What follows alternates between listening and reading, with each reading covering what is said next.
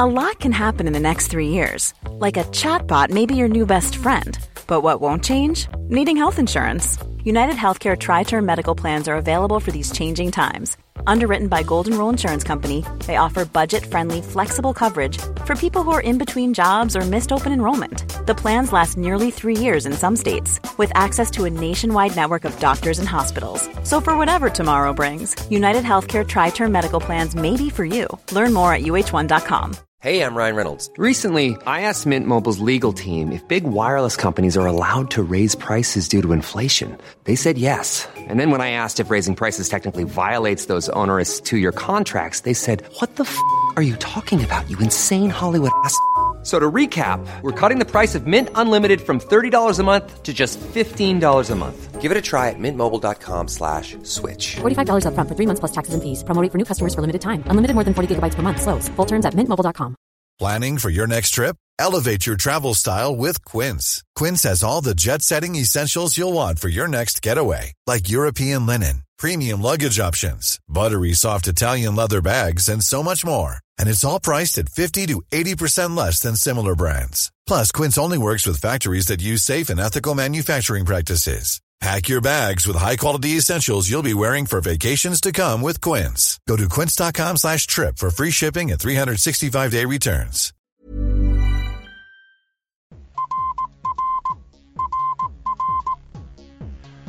Sveriges statsminister Olof Palme är död. 90 000. Ja, det är mord på Sveavägen. Hörde de säger att det är Palme som är skjuten. Mordvapnet med säkerhet är en Smith Wesson, en revolver kaliber .357. Inte ett svar. Finns inte ett svar.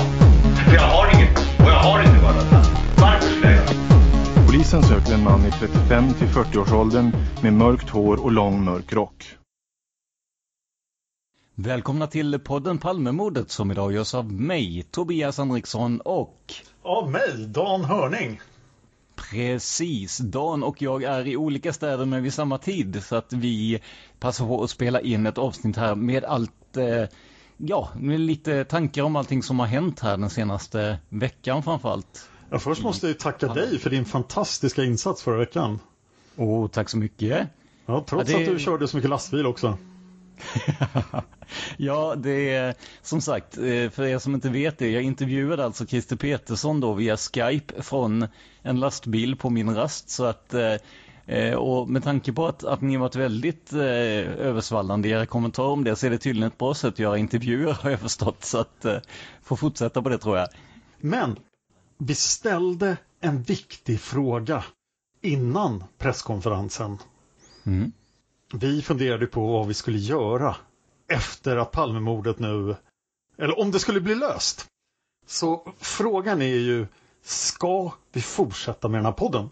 Ja, jag tror att du och jag är ganska överens om eh, svaret på det. Ska vi ta det så här? Ett, två, tre. Ja! Ja! Ja, det ska vi. Ja, det kommer vi att göra. Och ni har visat med all önskvärd tydlighet att ni vill att vi ska fortsätta också. Verkligen. Jag tror jag skulle säga att det är 99 procent för det. Och mm. eh, många av er har visat det på det allra bästa sättet genom att bli sponsorer på Patreon. Yes. För det är ju så den här podden finansieras. Det är ju så vi ska få ut Tobias ur lastbilen, i och för sig nu poddar han i lastbilen, men ut ur lastbilen så att han kan vara i poddstudion hela tiden, precis som jag. Ja, men precis så är det. Men han har ju bara två eh. poddar. Ja. Och jag har betydligt fler än så, så vi måste se till att... Du har ju det. Nej men det, det nu har det ju varit som väldigt fokus de sista veckorna på, på eh, Palmemordet här. Men eh, jag hade ju lite planer, eller jag har fortfarande planer på att eh, utöka med en krimpodd också. Men som sagt, sen kom det en lösning i vägen, eller vad vi nu ska kalla det. Ja, det har påverkat mitt arbete också så långt att jag idag gjorde ett avsnitt om seriemördarpodden Premium eh, om den indiska seriemördaren Psycho Shankar. Och tror inte jag började avsnittet med att prata om Palmemordet? det liksom bara hände. Ja, det, det, det är lätt, lätt hänt. Jag, eh, med tanke på då att både du och jag har ju fått diverse mediaförfrågningar här ju sista tiden så att när jag kommer till jobbet som chaufför och sådär så är det ju alltid prat om Palmemord. Jag satt och förklarade eh, Stig Engström idag till exempel på, på morgonen när vi sjusnåret, eh, trött och utan kaffe och allting. Men eh, ja, det, det, det, det är sånt man, man, man gärna tar när det är när folk börjar intressera sig för det helt enkelt. Jag fick sms idag från en av min salig fars gamla vänner som sa, vad gör du en podd om Palmemordet? Så här, Hur hittar jag den? Så här, ja, men det finns alla poddappar. Vad är en poddapp? Oj, Ja, just det. men det löste sig. Det löste sig. Vad bra.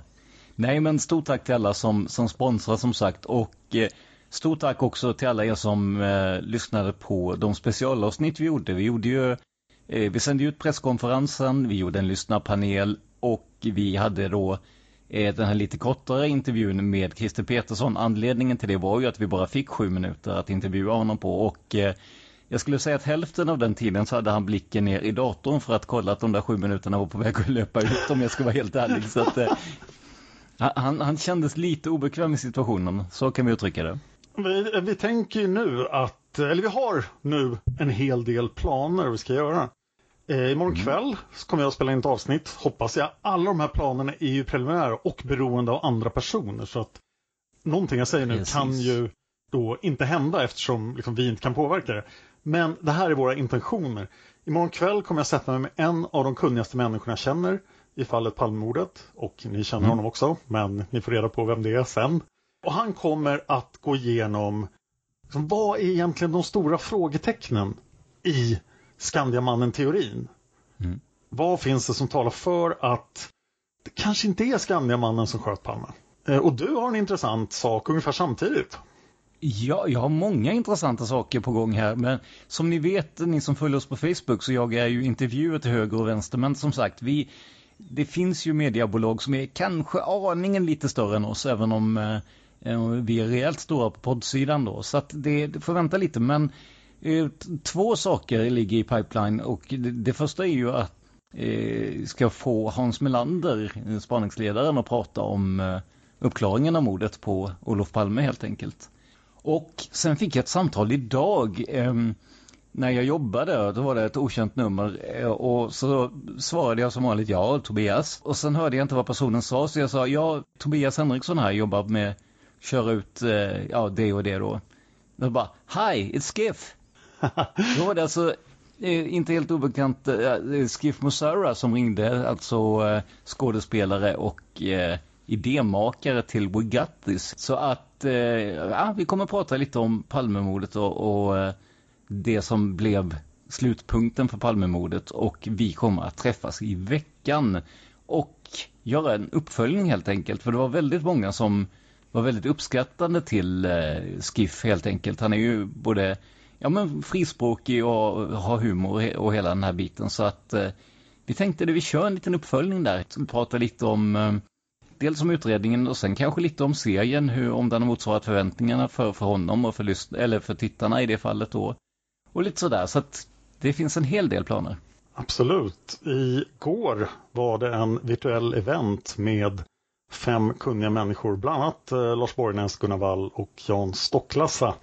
Där då Skandiamannen debatterades i en panel. Och eh, det här ljudet från den panelen kommer vi att lägga upp i podden vid tillfälle. Men jag är inte säker på att det blir ett eh, regelbundet avsnitt än eller hur exakt det kommer att se ut. Men på något sätt kommer det i podden också. Ja, och samtliga de här personerna tillhör ju de som vi försöker få enskilda intervjuer med också. Med tanke på världsläget och pandemier och liknande så eh, blir det ju troligtvis via Skype eh, men eh, vi försöker ju fortfarande att få till en enskilda intervjuer med dem också. Och det kommer vi uppdatera er om på facebook.com palmemordet. Och du hade haft kontakt med Thomas Pettersson också, eller hur? Ja, eh, ja, det första jag skrev till honom var bara ett sms där det stod grattis och sen en smiley och sen eh, från Tobias på podden Palmemordet då. Och sen kom vi att prata om just det här med, eh, ja, om en intervju helt enkelt. Thomas Pettersson skrev i boken eh, Den osannolika mördaren och eh, har ju ja, varit väldigt inriktad på Engström och väldigt kunnig om, om Skandiamannen också. Så att eh, han har lovat oss en intervju men han kan inte riktigt säga när för han är ganska hårt uppvaktad just nu. Jag kan tänka mig det, han har ju varit på tv hela tiden. Ja, absolut. Jag måste säga i egenskap av författare så hoppas jag också att jag kan skriva en bok där en myndighetsperson håller en presskonferens och sen sitter och läser högt ur min bok. Ja, ja men verkligen. För att det är ju den reaktionen vi har fått eh, mycket från, från er lyssnare också ju att Alltså, det var någon som skrev att vad, eh, vad var nytt från Christer Petersson som ni inte presenterade på tio avsnitt i podden? Det var någon som sa att man kunde lika väl satt på en ljudbok med den osannolika mördaren. Men det, det är lite det bestående intrycket alltså, speciellt med de förväntningarna som fanns eh, inför avslöjandet. Vapen, DNA, liknande. Vi har ju lärt oss idag också att det fanns, de här provskjutningsresultaten dök upp väldigt sent. Mm. Och att det verkar som att Christer Petersson hade räknat med att få ett bättre resultat än vad han fick. Ja, och det säger han ju mer eller mindre i alla fall i, i intervjun också. Att, för jag frågade ju honom, han, jag sa det att han verkade ju väldigt eh, förhoppningsfull när han presenterade att han skulle ha en lösning på Palmemordet. Och han verkade inte alls lika framåt och glimten i ögat eh, vid presskonferensen. Och eh, han sa ju det att en anledning var ju ja, men vapnet och DNA-spår på det här som de kallade bekännelsebrevet som skulle ha skrivits av eh, Stig Engström enligt honom. Är det ett brev som vi har känt till eller är det någonting annat? Ja, det är en bra fråga för att anonyma brev i utredningen har vi ju känt till sedan innan. Men då, då har ju så att säga, det var ju spåret Viktor Gunnarsson. Jag kan inte påstå att jag har hört om det. Så det är inte VG-breven? För att eh, Lars Larsson misstänkte ju att, eh, att Skandiamannen hade skrivit dem. Till allvarligt, jag är ett av polisens kronvittnen och befann mig 20 meter från mordplatsen när skotten föll. Plats även för en frågestund i så fall. Mycket beror på om önskemålet finns och tiden tillåter. Det låter trevligt med hembygdsgården. Eh, nej, det är inget brev jag har sett innan. Nej. Jag blev också förvånad när Sonny Björk gick ut och sa att han hade gjort eh, avgjutningar av kulorna och hade tagit fotografier av dem och tyckte att det visst gick att provskjuta. Precis som han ja. har provskjutit 400 vapen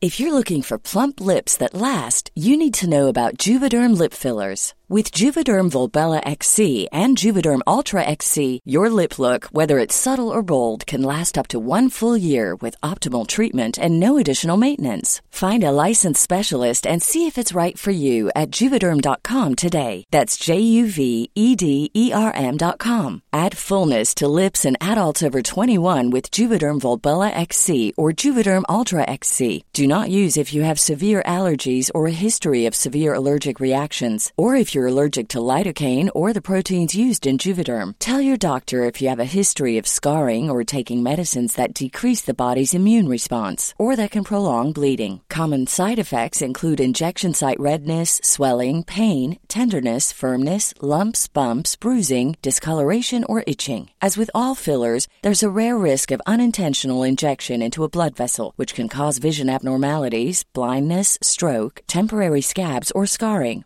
For full important safety information, visit juvederm.com. If you're looking for plump lips that last, you need to know about Juvederm lip fillers. With Juvederm Volbella XC and Juvederm Ultra XC, your lip look, whether it's subtle or bold, can last up to one full year with optimal treatment and no additional maintenance. Find a licensed specialist and see if it's right for you at Juvederm.com today. That's J U V E D E R M.com. Add fullness to lips in adults over 21 with Juvederm Volbella XC or Juvederm Ultra XC. Do not use if you have severe allergies or a history of severe allergic reactions, or if you're allergic to lidocaine or the proteins used in Juvederm. Tell your doctor if you have a history of scarring or taking medicines that decrease the body's immune response or that can prolong bleeding. Common side effects include injection site redness, swelling, pain, tenderness, firmness, lumps, bumps, bruising, discoloration, or itching. As with all fillers, there's a rare risk of unintentional injection into a blood vessel, which can cause vision abnormalities, blindness, stroke, temporary scabs, or scarring. For full important safety information, visit juvederm.com. I'm Sandra, and I'm just the professional your small business was looking for. But you didn't hire me because you didn't use LinkedIn jobs. LinkedIn has professionals you can't find anywhere else, including those who aren't actively looking for a new job but might be open to the perfect role, like me. In a given month, over 70% of LinkedIn users don't visit other leading job sites. So if you're not looking on LinkedIn, you'll miss out on great candidates like Sandra. Start hiring professionals like a professional. Post your free job on linkedin.com/people slash people today. Precis. Och jag tror, där beror det ju väldigt mycket på vem man frågar. Jag frågade Christer Petersson om just det här. Var det, alltså fanns det någon poäng att provskjuta alla de här vapnen då? För han menar ju på att det går inte att fastställa ett vapen. Vad jag ville ha fram med den frågan var ju att om man har sett möjligheten tidigare, varför ser inte han den möjligheten nu? Och kanske lägger då, ja, ännu mer fokus på att identifiera ett vapen med den teknik som finns och så. Man kan konstatera ett massivt missnöje med presskonferensen. Att den Mm. kändes innehållslös och de här diskussionerna som har varit i media om, Mm. om det här är förtal av avliden. Och, Ja, och Christer Petersson säger ju i, i en intervju att hade så att säga gemene man uttryckt sig så så hade det väl kunnat räknas som förtal av avliden. Jag tror det var Expressen han sa det i. Det länkades i Palmerummet minns jag. mm. Så att eh, det, han balanserar ju på en, eh, ja, på en slak lina skulle jag säga. Eh, Jag pratade ju med, med Gefina eller Skiff då om det idag också att det hade nästan varit bättre att lägga ner utredningen utan att utpeka någon gärningsman. Just så att man inte kommer framåt helt enkelt. Om man nu hade haft den möjligheten. Men det som jag förstår det har man ju inte det i och med att det är preskriptionstid och liknande finns ju inte. Men för då hade ju var och en fått dra sina egna slutsatser. Då hade vi inte behövt ha det här eh, nästan lite skrattretande presskonferensen där man presenterar en gärningsman som enligt SIFO då två av tio personer i Sverige tror på. Resten gör det inte. Det är alltså 80 procent som inte tror på den officiella lösningen helt enkelt.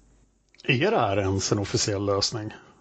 Alltså han hävdar ju själv, Christer Petersson, att det här skulle ha räckt för en, ett frihetsberövande och vidare utredning. Mm. Men inte, säger han i intervjun som jag gjorde i alla fall, att han, han sa något i stil med att jag är ju inte så naiv att jag tror att det nödvändigtvis skulle räcka till fällande dom, något sånt säger han. Och då är det ju frågan varför man gör själva utpekandet så att säga.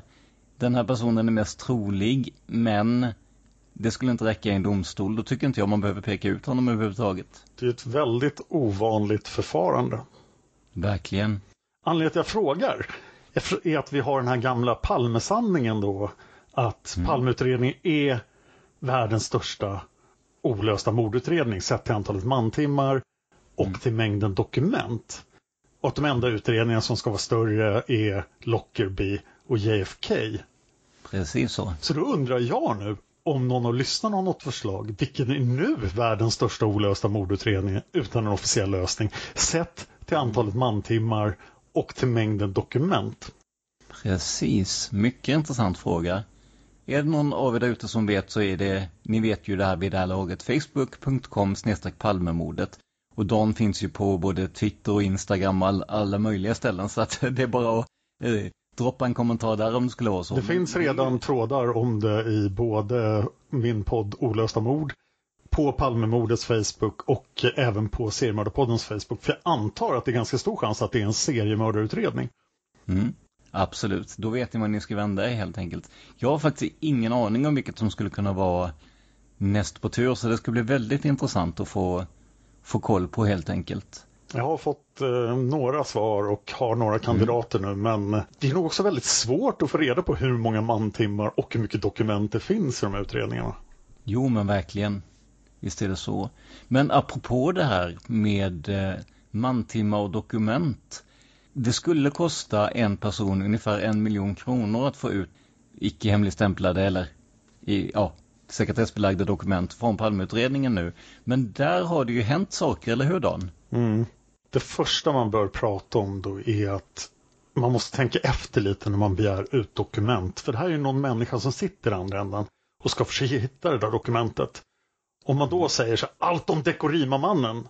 Nu har de ju i och för sig skrutit med att de har infört det papperslösa kontoret. De har digitaliserat hela utredningen. Jag tror att det är ganska svårt för människor att få ut det. Så att ju mer detaljer man kan ge när man gör ansökan, desto bättre. Det har arrangerats ett initiativ för att få ut allt intressant ur Palmeutredningen. Vi är inte ansvariga för det här. Vi är inte samordnande för det här, för det har vi inte tid med. Men Precis. vi är väldigt positiva till det här initiativet. Och med den brasklappen då att vi, vi vet ju inte om de här människorna kommer att orka genomföra det. Men det finns ett sådant initiativ nu och om ni är villiga att bidra med arbete är att begära ut dokument så finns det en samordning. Skicka meddelanden på Palmemordets Facebook då så pekar er i rätt riktning. Men det kräver då att ni är beredda att lägga ner lite arbete. Precis.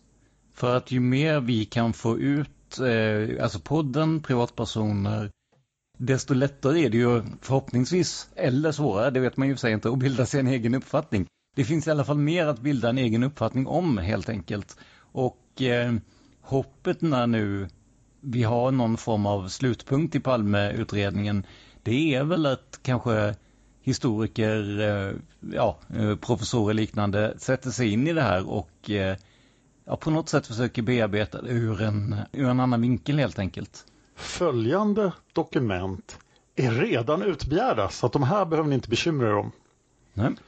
Promemorian daterad 1987-02-09 Stockholms polisdistrikt KK1 med titeln Uppföljning av Stig Engström och Yvonne Nieminen.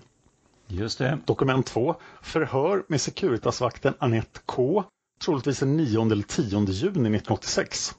Ja. Tre förhör med Gunnar L i mars 1986. Personnumret börjar på 38. Dokument 4. Förhör med Gustav F i mars 1986. Personnumret börjar på 49. Dokument 5. Namnlista på värnpliktiga vid Fallskärmsjägarskolan FJS i Karlskoga födda under åren 1950 till 54 från Svenska krigsarkivet. Här har vi även en kostnad på 225 kronor. Så där, mm. där var den första kostnadsindikationen.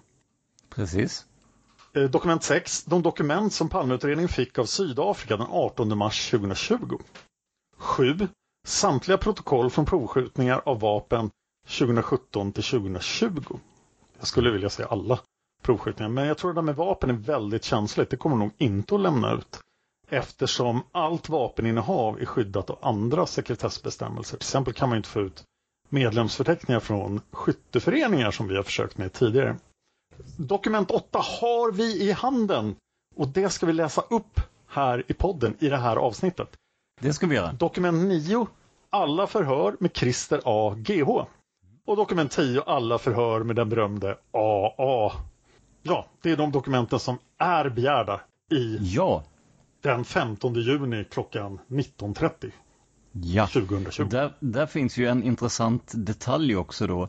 För det var, om inte jag eh, hörde fel här, det var Sydafrika-dokument inblandat där, var från 2020, stämmer det? Ja, jag kan tänka mig att det är en del dokument, så det kommer att kosta en del pengar.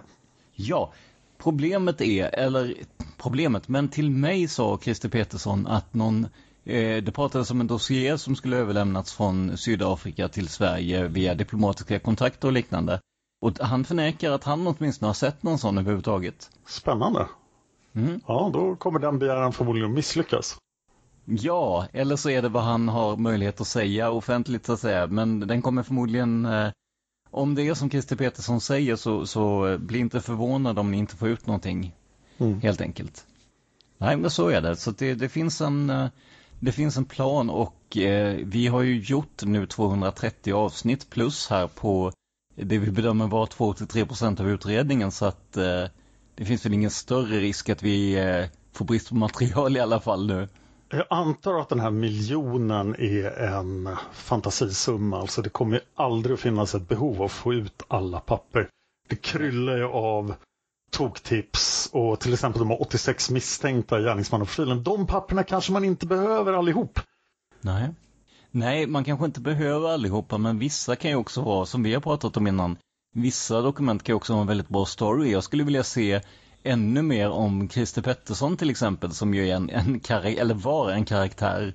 Bara inte kanske just för att han är huvudmisstänkt i, i min värld på något sätt men det händer så mycket ja, galna saker runt honom helt enkelt. Så att det är eh, likadant så eh, ja, jag har ju fastnat för det där med, med Christer A som sålde sitt vapen vid, vid Café Opera där till någon random knarklangare. Jag tycker att det där, är, fanns det några dokument som kunde göra oss lite klokare där så hade det varit fantastiskt att läsa. Det hade nog kunnat bli ganska underhållande faktiskt. Jag har redan fått tag på ett Christer-dokument som vi inte har tagit upp tidigare och gäller ett misshandelsfall. Mm. Men eh, det kommer vi ta i, vi kommer göra flera avsnitt om Christer A helt enkelt. Ja. När, när det här har lagt sig lite. Men ett av de här dokumenten vi pratade om. Ja. Eh, så, ja, för Så här är det. Du och jag satt eh, i en intervju med bland annat TV100 och eh, så pratade vi om eh, utredningen och hur mycket eller lite material som lämnats ut.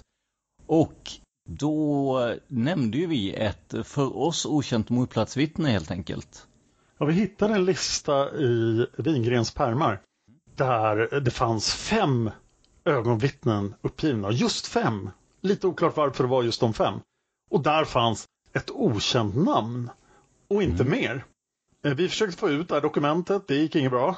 Men nu har vi det.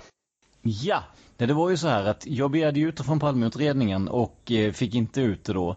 Med tanke på, eh, ja, med hänvisning till sekretess och, och så vidare då.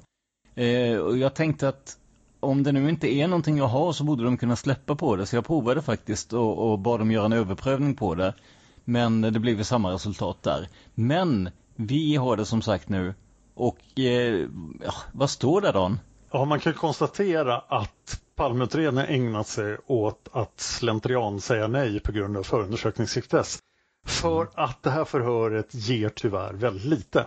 Det är ett förhör utfört 00.45 den 1 mars 1986 oh. med Theodorus A som jobbar som städare och är från Grekland.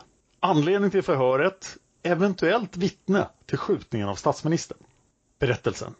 Vid 22-tiden åkte A från bostaden till Pressbyrån som är belägen T-centralen vid spärrarna norra delen.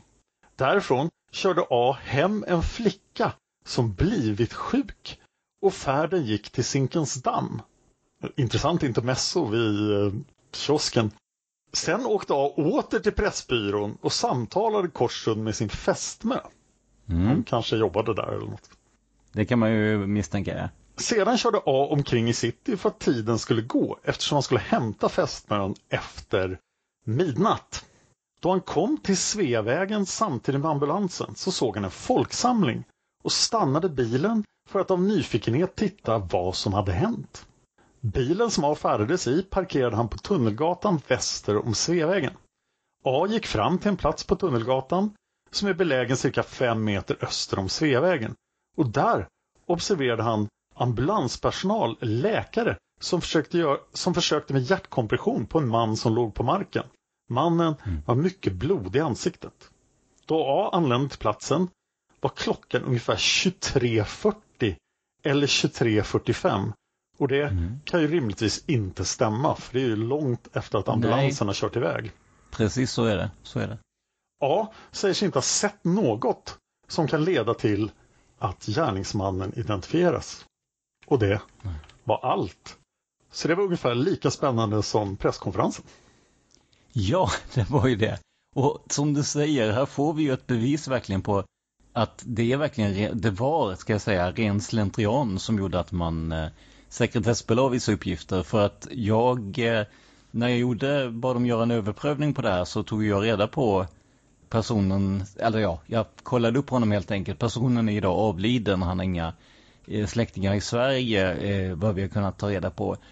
Så jag hävdade ju att, alltså, den enskildes integritet var ju inte av samma värde så att säga, för att det fanns ingen som skulle kunna ta illa upp av uppgifterna helt enkelt. Men eh, det känns ju som en slentrianstämpel på det där verkligen, för att det är som du säger, det är inga uppseendeväckande uppgifter alls.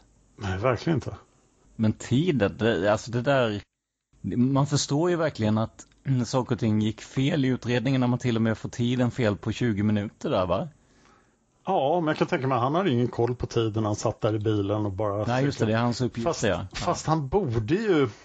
Han borde ju känna till tiden eftersom han ska vara tillbaka vid Pressbyrån vid midnatt. Mm. Ja, mycket märkligt, mycket märkligt. Ja, det är det verkligen. Jag slängde upp en liten frågetråd inför det här avsnittet. Och eh, jag tror att folk har höga tankar om oss för den innehåller en, en del väldigt, väldigt detaljerade frågor om Palmemordet som var svårt för oss att hitta svar på på 30 minuter. Ja. Men jag tänkte ändå ta upp några svar här i tråden. Mm. Jag ber om ursäkt till alla som inte fick med sina svar. Eh, Dan förresten, jag har ja. fått ett på privat meddelande också. Vi har pratat om det innan. Hej, såg att ni efterfrågade frågor. Min anonyma fråga är, Ja, det ska jag inte säga vem det är då. Hur kunde direkt uppkomma så felaktiga uppgifter om VG i inledningen? Det vill säga hans vapenintresse samt alibi. Eh, om man från PUs sida ska sammanfatta en 34 år lång mordutredning hade jag lagt allt krut på att varenda mening skulle vara kontrollerad och granskad. Nu är det ett mycket slarvigt intryck. Ja. Jag vet inte. Det är väl någonting som eh, jag kommer ta med Melander ju. Presentationen av honom som, som att han hade alibi och alltså nej, det, det skaver där speciellt då med tanke på det som eh, vi började titta på i höstas du vet med ett, ett vapenfynd som hade gjorts ju. Mm. Det skaver där. Jag har för övrigt inte fått något nytt om det men det, det är en helt annan historia. En intervju med Donald Forsberg vore intressant framöver. Mm. Ja, det vore Har du jagat honom? Det, det, det, det vore det. Jag får säga, vem har jag inte jagat? Eh, jag ska ta och eh, anteckna detta och så ska jag ta och eh, kolla på det. Jag har för mig att vi har sträckt ut en hand där men det kan ju vara så att det har fallit mellan stolarna. Jag ska absolut kolla detta. Jag tycker också det vore jätteintressant. Det låter bra.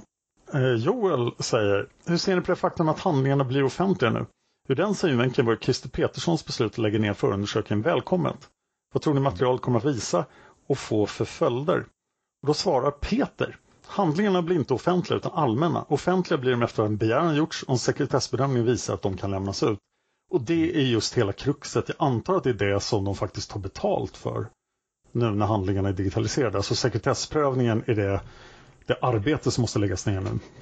Alltså, det, jag vet att eh, någon av de stora nyhetsredaktionerna för ett antal år sedan hade en, eh, en, ett rättsfall om det här. Och då var det ju så att man hade begärt ut en förundersökning, eh, eller förundersökningsprotokollet digitalt.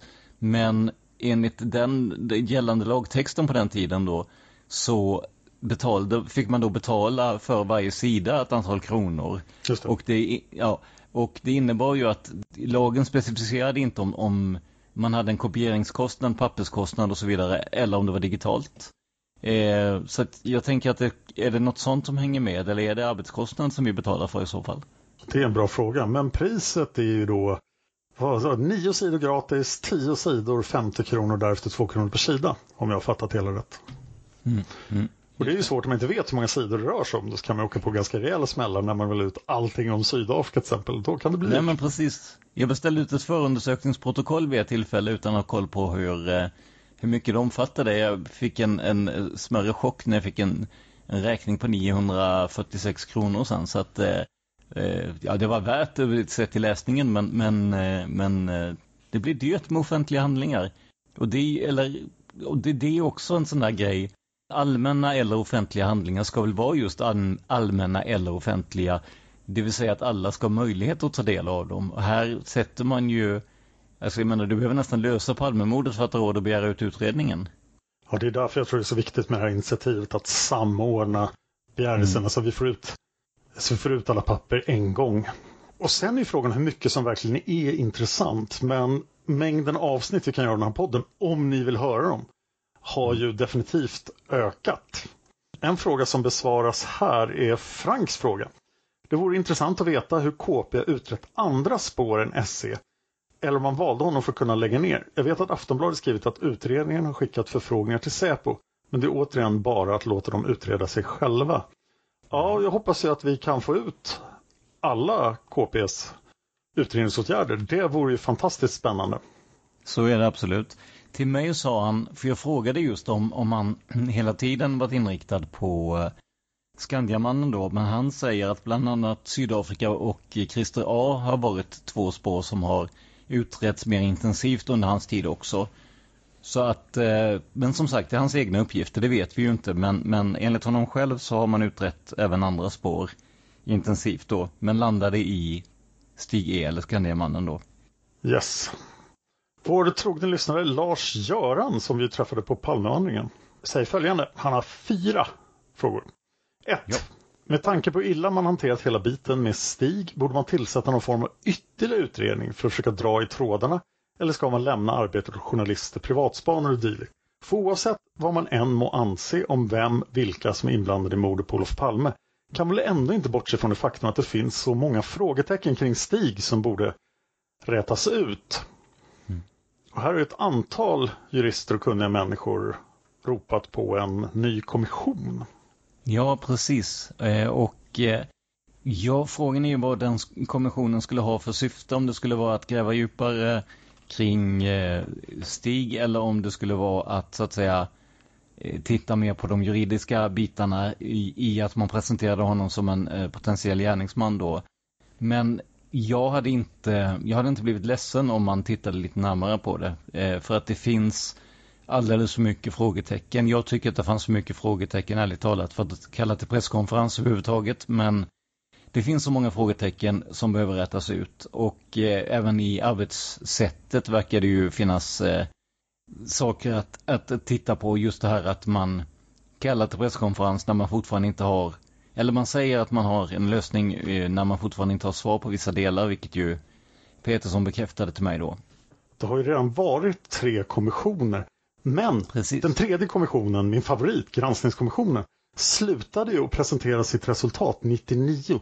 Jag skulle vilja se en likadan utredning som plockar upp bollen där och granskar Palmeutredningen från 99 till 2013 är förmodligen inte så mycket jobb att granska för det händer inte så mycket. Men från och med att Dag Andersson kommer in och allting som har hänt sedan dess, det vill jag se granskat. Absolut, jag håller med dig. Jag tycker att granskningskommissionen gjorde ett fantastiskt jobb på att sammanställa den här rapporten. Mm. Det är verkligen en av de bästa böckerna om Palmemordet. Det är det absolut. Fast, fast Skandiamannen bara nämns som ett vittne i förbigående. Ja, det är ju det. Nej, som sagt, en, en eh, fortsättning på, eh, på granskningskommissionen där hade ju varit perfekt. Och, och titta både på de olika spåren, teorierna som man jobbat med sedan dess, precis som du säger. Och sen också titta på rimligheten tycker jag i att gå ut och presentera presentera på ganska lösa grunder då en person som, som misstänkt mördare. Om det finns eh, juridisk, eh, om det är juridiskt hållbart överhuvudtaget och liknande. Det hade också varit intressant att se. Inga-Britt Ahlenius försvarade granskningskommissionens arbete med att säga att Skandiamannen var inte ett uppslag i Palmeutredningen. Och för att bli ett uppslag i Palmeutredning krävdes ju bara ett toktips. Leif GW Persson är ett uppslag i Palmeutredningen. Jajamän, det är han. Han har dock alibi för han var i Göteborg den natten, sa han. Ja, han säger det. Han säger det. Men har alltså ingen ens toktipsat om Skandiamannen? Det låter ju helt osannolikt. Är det någon som så att säga borde ha tipsats om redan på den tiden med tanke på hur mycket han förekom i media och liknande så vore det ju han tänker jag. Det, jo, det måste ha kommit in tips om honom alltså. Det verkar ju väldigt osannolikt. Ja, det gör det. Men alltså, sen hur man såg på de tipsen, att man bara la dem åt sidan för att Holmer och kompani hade en, en färdig inställning så att säga, det är ju en annan sak. Men att det inte skulle kommit in tips, det, det låter ju helt osannolikt. Fråga två från Lars-Göran. Tror ni i och med att mer och mer material kommer att släppas att det finns spår och teorier som kanske kommer att läggas ner när det visar sig att det ännu inte finns så mycket att hämta i utredning som man trott? Tänk inte på något särskilt spår, men om man kanske inser att det inte finns någon substans i det och folk väljer att gå vidare. Eller kommer bristen på information ge vatten på kvarn om någon form av mörkläggning? Bra fråga. Alltså ja, det finns ju en del teorier som jag tror kan städas undan med öppna dokument och det är väl framförallt teorierna som på ett eller annat sätt antyder att mordet inte ägt rum. De teorierna kanske skulle kunna läggas åt sidan om större delen av, av eh, utredningen eller, eller den medicinska bedömningen av, av eh, Olof Palme då när han kom in uh, släpps. Vi har obduktionsprotokoll och sånt absolut. Men är inte de teorierna fullständigt faktaresistenta? I, jo, det, det, det, det är ju så. Det är ju så. Frågan är om det skulle hjälpa menar du? ja, det är verkligen frågan. Men ja. jag är väldigt intresserad av, av just den här frågan för det kan ju dyka upp. Alltså det kommer ju förmodligen finnas mer material i alla spår. Mm. Och det, är, det jag tänker på direkt är ju Christer A. Men ja, det här är väldigt intressant. Nu, nu vill vi se dokumenten. Ja, absolut. Nej men det, det finns många, många spår som jag tror jag vet inte, jag tror att vissa spår skulle kunna få en revival faktiskt. Jag, jag tänker bara på det vi har ägnat mycket tid åt, nämligen Viktor Gunnarsson som fick en, någon slags revival där när vi fick ut eh, dokumenten från Anders Leopold där. Stort tack Anders för övrigt. Jag tänker att många andra spår skulle nog också kunna få liknande revival när man har lite mer att gå på så att säga. Eller för den delen, vissa spår kanske helt kan läggas åt sidan, vilket jag har svårt att tro visserligen för att i Palmekretsar lägger man inte bara spår åt sidan har jag märkt. Det kan nog stämma. Fråga tre. Mm. Kommer Dan nu att prata om sitt favoritspår och avslöja vad det har varit nu när förundersökningen läggs ner? För om jag inte minns fel fanns det som ett Patreon-mål förut. Det gäller också Tobias om man har något. Det är fortfarande ett Patreon-mål. Jag la det, det som ett Patreon-mål jättehögt för att slippa prata om det. Men Patreon-målet är inte att jag ska avslöja vad som är mitt favoritspår utan Patreon-målet är att jag ska göra en topp 10-lista på troliga spår. Och det kommer jag göra om vi når dit. Men du kanske kommer att berätta vad du tror nu. Vem sköt Olof Palme, Tobias? Ut med det nu. Jag eh, lägger mig på Patreon också för guds skull, ingen bekymmer. Jag kan ligga lite lägre än dig därför att du är ju ändå skaparen av podden och sådär, men lägg dig på Patreon med. Jag, så här är det, jag har faktiskt ingen bestämd teori och det är jättetråkigt att säga, men för varje spår som vi jobbar med så blir det att man tänker att ja men det här är faktiskt inte dumt. Det finns saker, jag tänkte så när jag lyssnade på dina avsnitt inledningsvis om Skandiamannen till exempel. Att här är det ju någonting som inte stämmer, helt klart. Jag tänkte så om Viktor Gunnarsson, jag tänkte så om polisspåret. Så att jag, eh, jag tycker ju, dels tycker jag inte att det är min, dels tycker inte jag att det är kanske min uppgift att eh, säga vad, vad jag, att, att spekulera för mycket helt enkelt just mm. kring möjlig gärningsman. Och sen är det ju det att det finns många spår som, som faktiskt, ja, som har tilltalat mig under åren, men inget som står framför det andra. Och då kan jag säga att jag utesluter inte ens Stig som gärningsman, men jag tycker att det är för lite bevis för att kunna dra de slutsatserna som Petersson och hans utredning gjorde. Jag säger som jag sa i radio alldeles nyss att jag är trött på att gissa i Palmemordet. Mm. Jag vill veta, jag trodde jag skulle få veta, men jag fick ja. inte veta. Alldeles mycket folk har gissat alldeles mycket i det här ja. fallet. Dessutom, ju mer jag har läst, desto mindre säker jag blivit på någonting. Det känns yes. som jag vet mindre, eller jag, jag tror mindre om Palmemordet nu ja. än vad jag gjorde 2016. Alltså, Ja, visst är det så. Så känner jag också. Vi hade ju en, en, eh, en lyssnare som jag citerade i paneldebatten där, eller paneldiskussionen med er lyssnare. Han sa att den där presskonferensen och liksom den här upplösningen som han liksom hypat väldigt mycket för då. Det var ungefär som när han eh, trodde att han hade vunnit högvinsten på Bingolotto men kom på att han hade spelat på trean spel istället för tvåan. Och det tyckte jag var, det tyckte jag var en så bra beskrivning man är liksom hypad, man, man känner att åh, nu är det verkligen, nu kommer vi få en lösning och sen kommer, kommer san, eller verkligheten i fatt och slår en i, i bakhuvudet. Fråga fyra från Lars-Göran. Tror ni Christer Petersson kunde gått tillväga på något annat sätt än han gjorde? Alltså han kanske inte borde ha slängt ut ett köttben med hintar om en liten fläskbit som medierna gladeligen gjorde till en hel gris. Skulle han ha väntat med att gå ut med något och bara släppt det som en bomb på oss? Hur tror ni folk hade reagerat då? Eller har ni något annat förslag som hade landat bättre i folkets syn? Ja, min tanke där var ju det vi pratade om innan att nu, nu har ju tidningar och eh, eh ja, kanske framförallt Filter då och eh, Thomas Pettersson och hans bok har ju hjälpt till att hypa spåret eh, Skandiamannen. Men eh, jag, nej jag vet inte alltså, man, jag tycker väl han kunde i så fall, kommer man ingen vart, man har provat alla trådar, så skulle man väl kunna gå ut med det och säga att vi kom ingen vart. Alltså vi har ingen, vi har ingen gärningsman som skulle kunna så att säga leda till åtal och så vidare. Men att just det här att peka ut någon, det, det vänder jag mig lite mot. För det tror jag bara startar ännu mer spekulationer och skapar ännu mer kritik mot, mot honom och hans utredning. Man ska ju inte underskatta Christer Pettersson-effekten. Att det har blivit lite Christer Pettersson 2.0. Verkligen. Så att folk som inte är insatta i fallet, de har ju faktiskt köpt det här. Det har redan dykt upp de här, men nu är det ju löst. Varför håller ni på med det här fortfarande?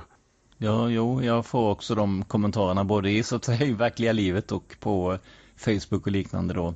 Absolut. Jag har också sett på dem som, men det var ju Christer Pettersson. Lisbeth har ju pekat ut henne. Vad är det här för nymodigheter?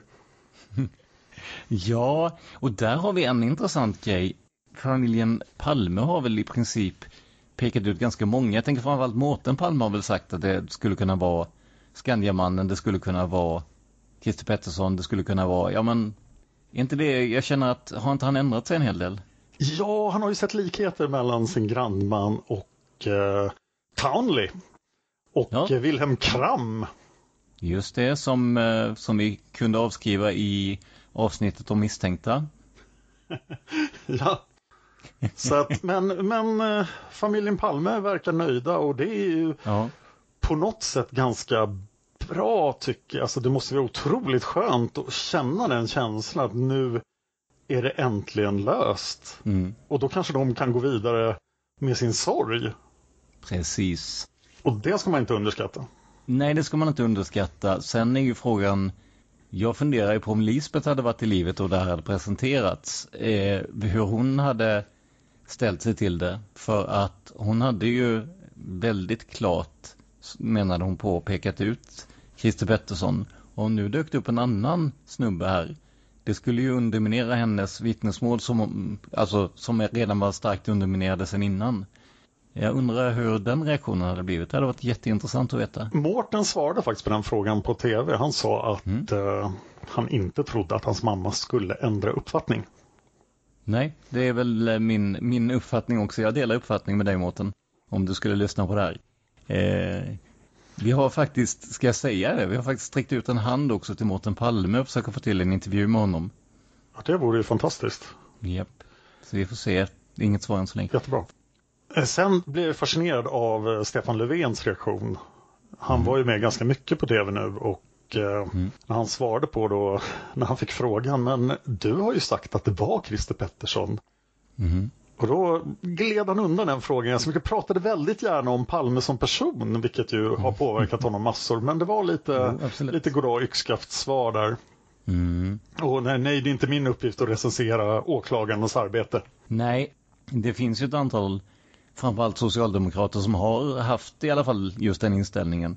Lisbeth pekade ut Christer Pettersson. Lisbeth är en ytterst trovärdig människa och det är klart att de kan tycka det för de kanske kände Olof Palme och Lisbeth och de, de jag menar, de har ju en annan bild av henne. De, de har en personlig bild av henne också. Så att det, det är väl inte, det är inte konstigt att de tycker så kanske men Eh, jag tror att det bästa man kan göra i den situationen är att inte fastna för en övertygelse. Mm. Utan att faktiskt kunna vara öppen för möjligheter och eh, ja, Löfven bland andra då målade ju in sig i ett, i, ett, i ett hörn där helt enkelt nu när det kom fram en annan tänkbar lösning. Lyssnaren Henrik säger en sak som jag tyckte var intressant. Mm. Jag har börjat se att Skandiamannen-teorin innehåller ett faktum som ej tas upp, men för mig är central. Anledningen skulle vara att den är så mörk och samtidigt respektlös, men det löser problemet om att slumpen och vapnet och skottet känns så fel. Så här är då Henriks teori. Stig satt på sitt kontor med ett vapen för att ta livet av sig. Och när han ballar ur råkar han stöta på Palme och hans liv får en ny märklig mening. Mm. Det var en ny teori, den hade jag inte hört tidigare.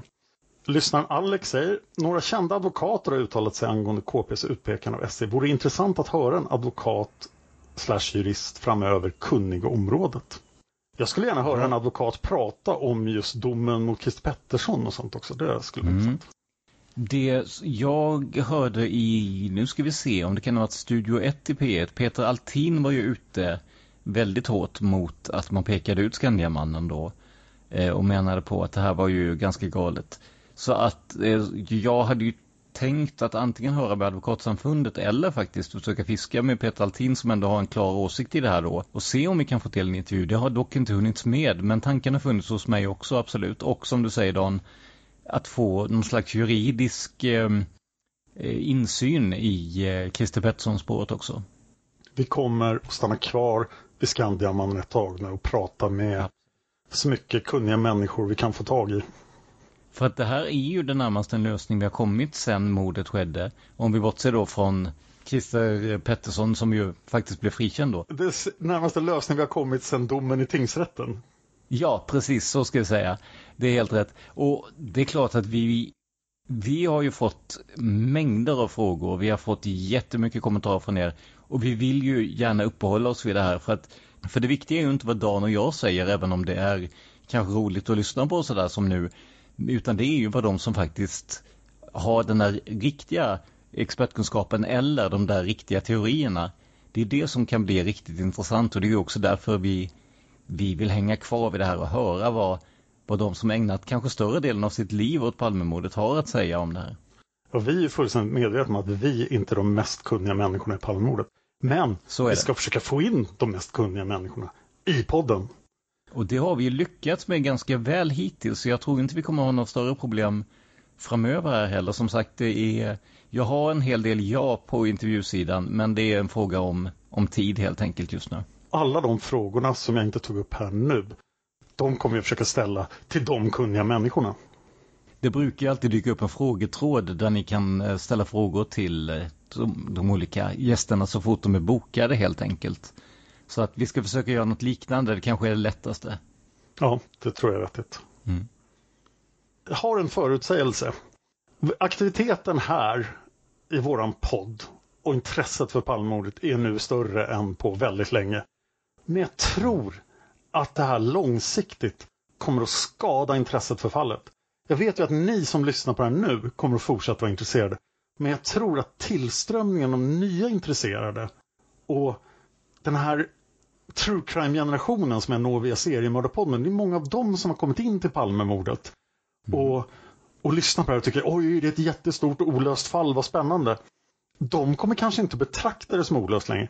Och jag tror att tröskeln för att bli intresserad av Palmemordet kommer att bli större om ungefär ett år. Mm. Mm. Och ja, jag tror vi kommer ha färre lyssnare i en avlägsen framtid i alla fall. Kanske inte om ett år, men... Nej. Samtidigt så tänker jag att det finns ju en... Det är klart du måste ha ett visst intresse för det, det måste du men nu när det ändå kommer upp en hel del i media, det kommer fram att folk är kritiska mot det här, så finns det ju också en chans att folk vill börja titta lite djupare på det eller bilda sig en egen uppfattning. Det skulle också kunna leda till att det i alla fall inte sjunker. Vi kanske får in några stycken extra då för de vi tappar i så fall. Det är min tanke. Jag kommer att fortsätta på nyrekryteringen i mina andra poddar. Vi har nästan mm. som ett stående skämt i seriemördarpoddarna att om handlingen passerar den 28 februari 1986 så måste man nämna mordet på Olof Palme. Det står Jajamän. till och med i manusanvisningarna. Fast jag har gett några manusfattare rätt att hoppa över det om de tycker att det är för jobbigt. Men jag vill att det ska hända där den 28 februari 1986. Och vi lyckades ju, vi satt ju och gjorde avsnitt av Mördarpodden för lite sedan du och jag Dan, när Josefin hade lite ledigt.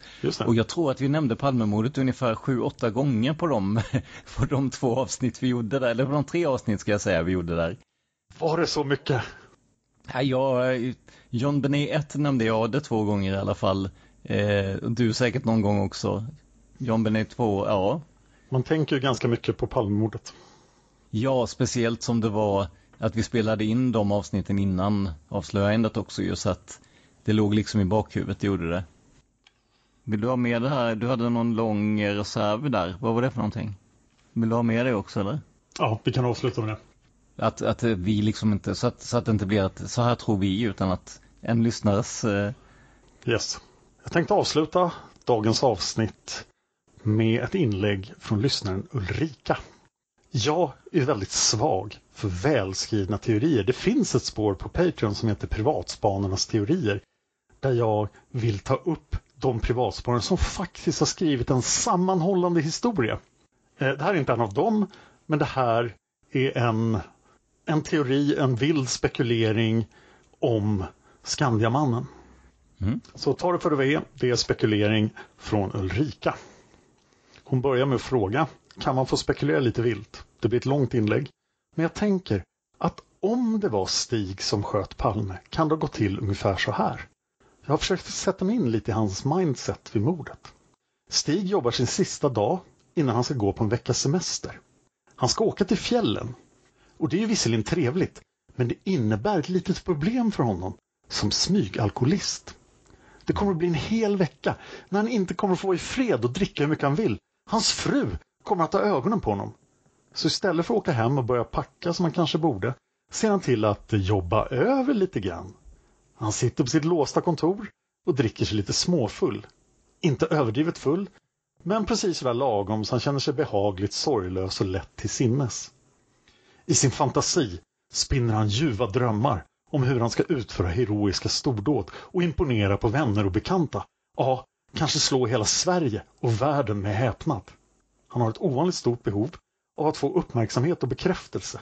Så det är vanligt att han ägnar sig åt fantastiska drömmar där han får just det. En av hans drömmar går ut på att befria Sverige från Olof Palme. Tänk vilken hjälte han skulle bli om han hade ihjäl det svinet. Självklart är det bara en dagdröm och inget han planerar att göra på riktigt. Men visst vore det fantastiskt om han någon enda gång kunde få vara en hjälte även i verkliga livet. När det till slut börjar bli dags att packa ihop och åka hemåt öppnar han skrivbordslådan för att lägga ner sin spritflaska. Då får han syn på revolvern som ligger där. Den som han lånade för en tid sedan. Även om det bara är han själv som har nyckeln till kontorsrummet så känns det inte helt bra att den ligger kvar där när han åker iväg på semester. Bäst att ta med revolvern hem. Han stoppar den i rockfickan och lämnar kontoret. Han är alldeles lagom lullig och på gott humör och han passar på att slänga ett par ord med väktarna innan han drar sitt passerkort och går ut i februarikylan. Och där så måste jag avbryta med att KP hävdade att man kunde prata med väktare innan man drar passerkortet och det är ju ganska många som hävdar att det inte gick. Nej, precis. Ulrika fortsätter i sin vilda spekulering. Innan han svänger vänster på Sveavägens trottoar kastar han en snabb blick åt höger och registrerar vagt ett medelålders par som kommer gående arm i arm åt hans håll. Han tänker inte mer på det, utan när han går mot tunnelbanan tänker han på revolvern som han känner i fickan. Tänk om folk bara visste att han gick där beväpnad. Vapnet får honom att känna sig som en riktig tuffing, som en agent eller som John Wayne. Han ser för sitt inre hur han stöter på ett gäng pudelhåriga kickers i tunnelbanan som börjar mucka gräl med honom. De vill sparka ner honom med karatesparkar. Men han behöver bara helt lugnt dra upp sin revolver ur fickan och le lite överlägset med ena mungipan för att busarna ska bli bleka av skräck och skingras åt alla håll. Det är en skön tanke. Han vaknar snabbt upp ur sina fantasier när han hör en bekant röst. Paret som går bakom honom pratar lågmält med varann och mannens röst går inte att ta miste på. Det låter precis som Olof Palme. Stigs första instinkt är att genast stanna och vända sig om och se efter. Men han inser att det skulle se väldigt konstigt ut. Istället låtsas han se jäktad ut och ökar på stegen för att komma en bit före makarna. Vid Dekorima-hörnet har han fått lite avstånd och han stannar upp och låtsas titta på sin armbandsklocka i ljuset från skyltfönstret. Han vänder sig diskret så han ser paret och han känner hur pulsen plötsligt ökar. Det är självaste Olof Palme och hans fru. Han är avtrubbad av alkohol och nu blir allting plötsligt overkligt. Just som paret Palme passerar honom gör han något som han aldrig skulle göra annars. John Wayne kliver självsäkert fram bakom Olof. Han ska skjuta både den jäkla statsministern och hans hemska fru. Det känns så självklart. Han vet precis hur han ska sikta. Som i trans tar han fram revolvern ur fickan och utan att tveka skjuter han Olof i ryggen. Knallen och rekylen får Stig att vakna upp ur transen. Plötsligt mycket nyktrare ser han sig själv utifrån. Vad håller han på med? Han är inte John Wayne. Han är Stig. Och det här är ingen fantasi. Det här är verklighet. Insikten får honom i balans och gör att när det andra skottet går av glömmer han att sikta ordentligt och det går iväg lite på måfå. Han tar ett steg tillbaka och han ser som en ultrarapid hur alla människor omkring vänder sig mot honom. Alla stirrar på Olof som sjunkit ihop på marken. Bilar stannar och från Sveavägen kommer flera människor springande.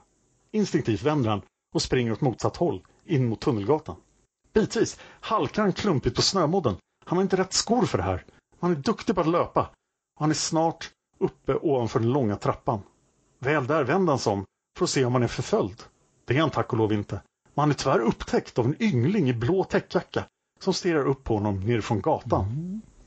Han tar sig någonstans för att pusta ut och samla sina tankar.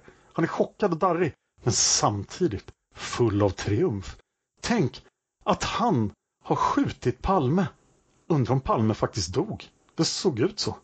Han går så småningom tillbaka mot Skandihuset. Men inte utan att först passera brottsplatsen igen för att se och höra vad som har hänt där sedan han sprang därifrån. It all makes sense, eller hur? Och det var alltså Ulrikas spekulativa noveller så ingenting som står för en podd bara så att ni inte sågar oss fullständigt.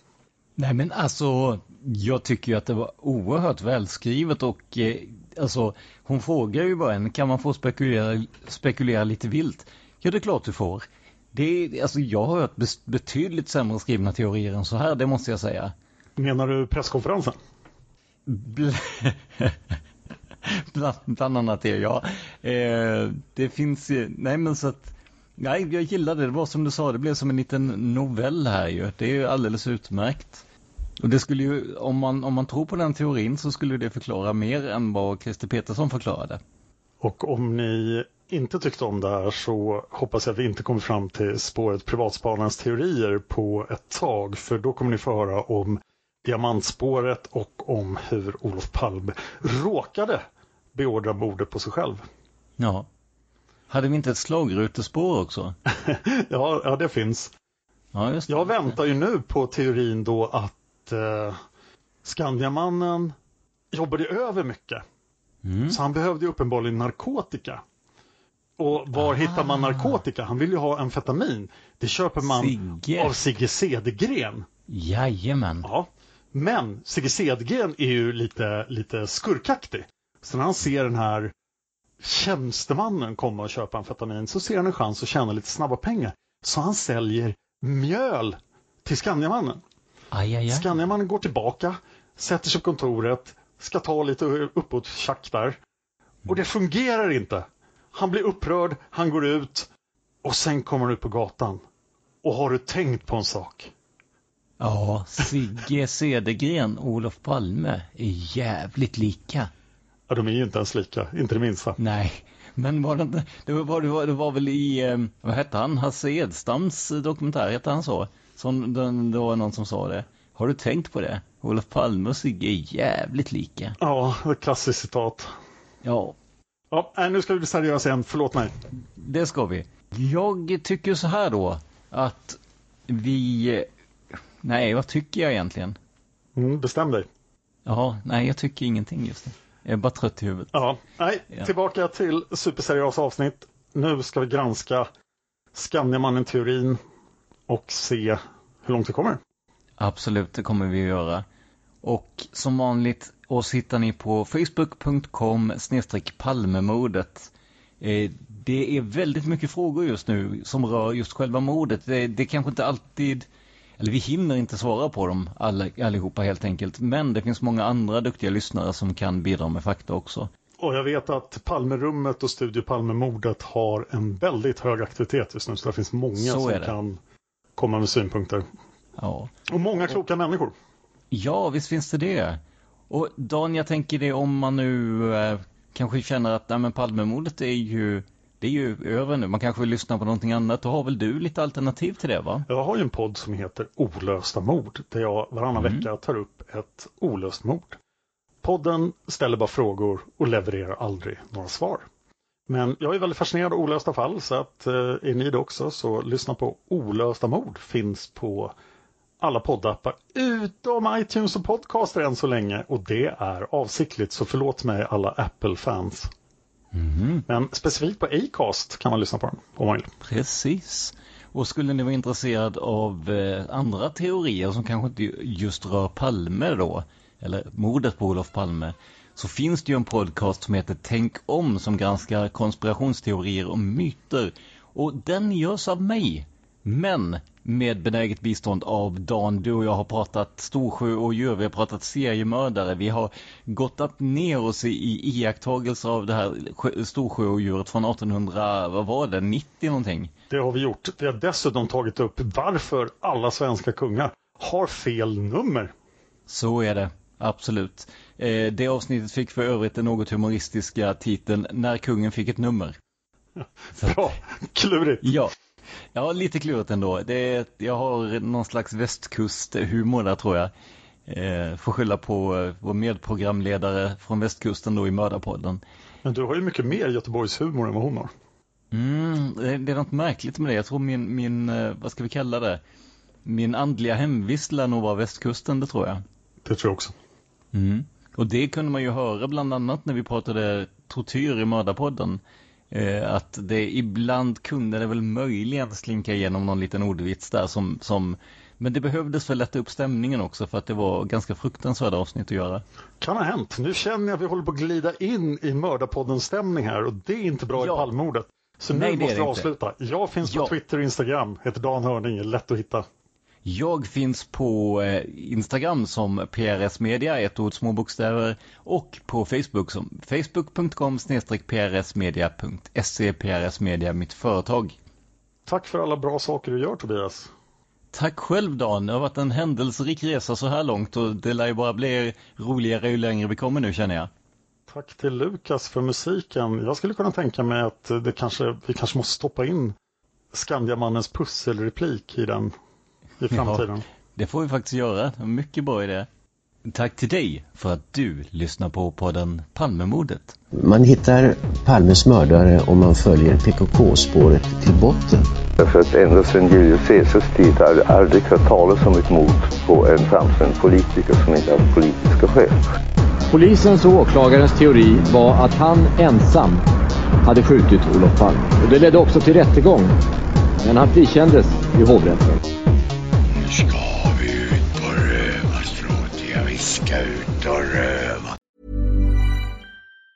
Planning for your next trip? Elevate your travel style with Quince. Quince has all the jet setting essentials you'll want for your next getaway, like European linen, premium luggage options, buttery soft Italian leather bags, and so much more. And it's all priced at 50 to 80% less than similar brands. Plus, Quince only works with factories that use safe and ethical manufacturing practices. Pack your bags with high-quality essentials you'll be wearing for vacations to come with Quince. Go to quince.com slash trip for free shipping and 365-day returns. Hi, I'm Daniel, founder of Pretty Litter. Did you know cats tend to hide symptoms of sickness and pain? I learned this the hard way after losing my cat, Gingy. So I created Pretty Litter, a health monitoring litter that helps detect early signs of illness by changing colors, saving you money and potentially your cat's life. Pretty Litter is veterinarian developed, and it's the easiest way to keep tabs on your fur baby's health right at home. Go to prettylitter.com and use code ACAST for 20% off your first order and a free cat toy. Terms and conditions apply. See site for details. A lot can happen in three years, like a chatbot may be your new best friend. But what won't change? Needing health insurance. United Healthcare Tri Term Medical Plans, underwritten by Golden Rule Insurance Company, offer flexible, budget friendly coverage that lasts nearly three years in some states. Learn more at uh1.com.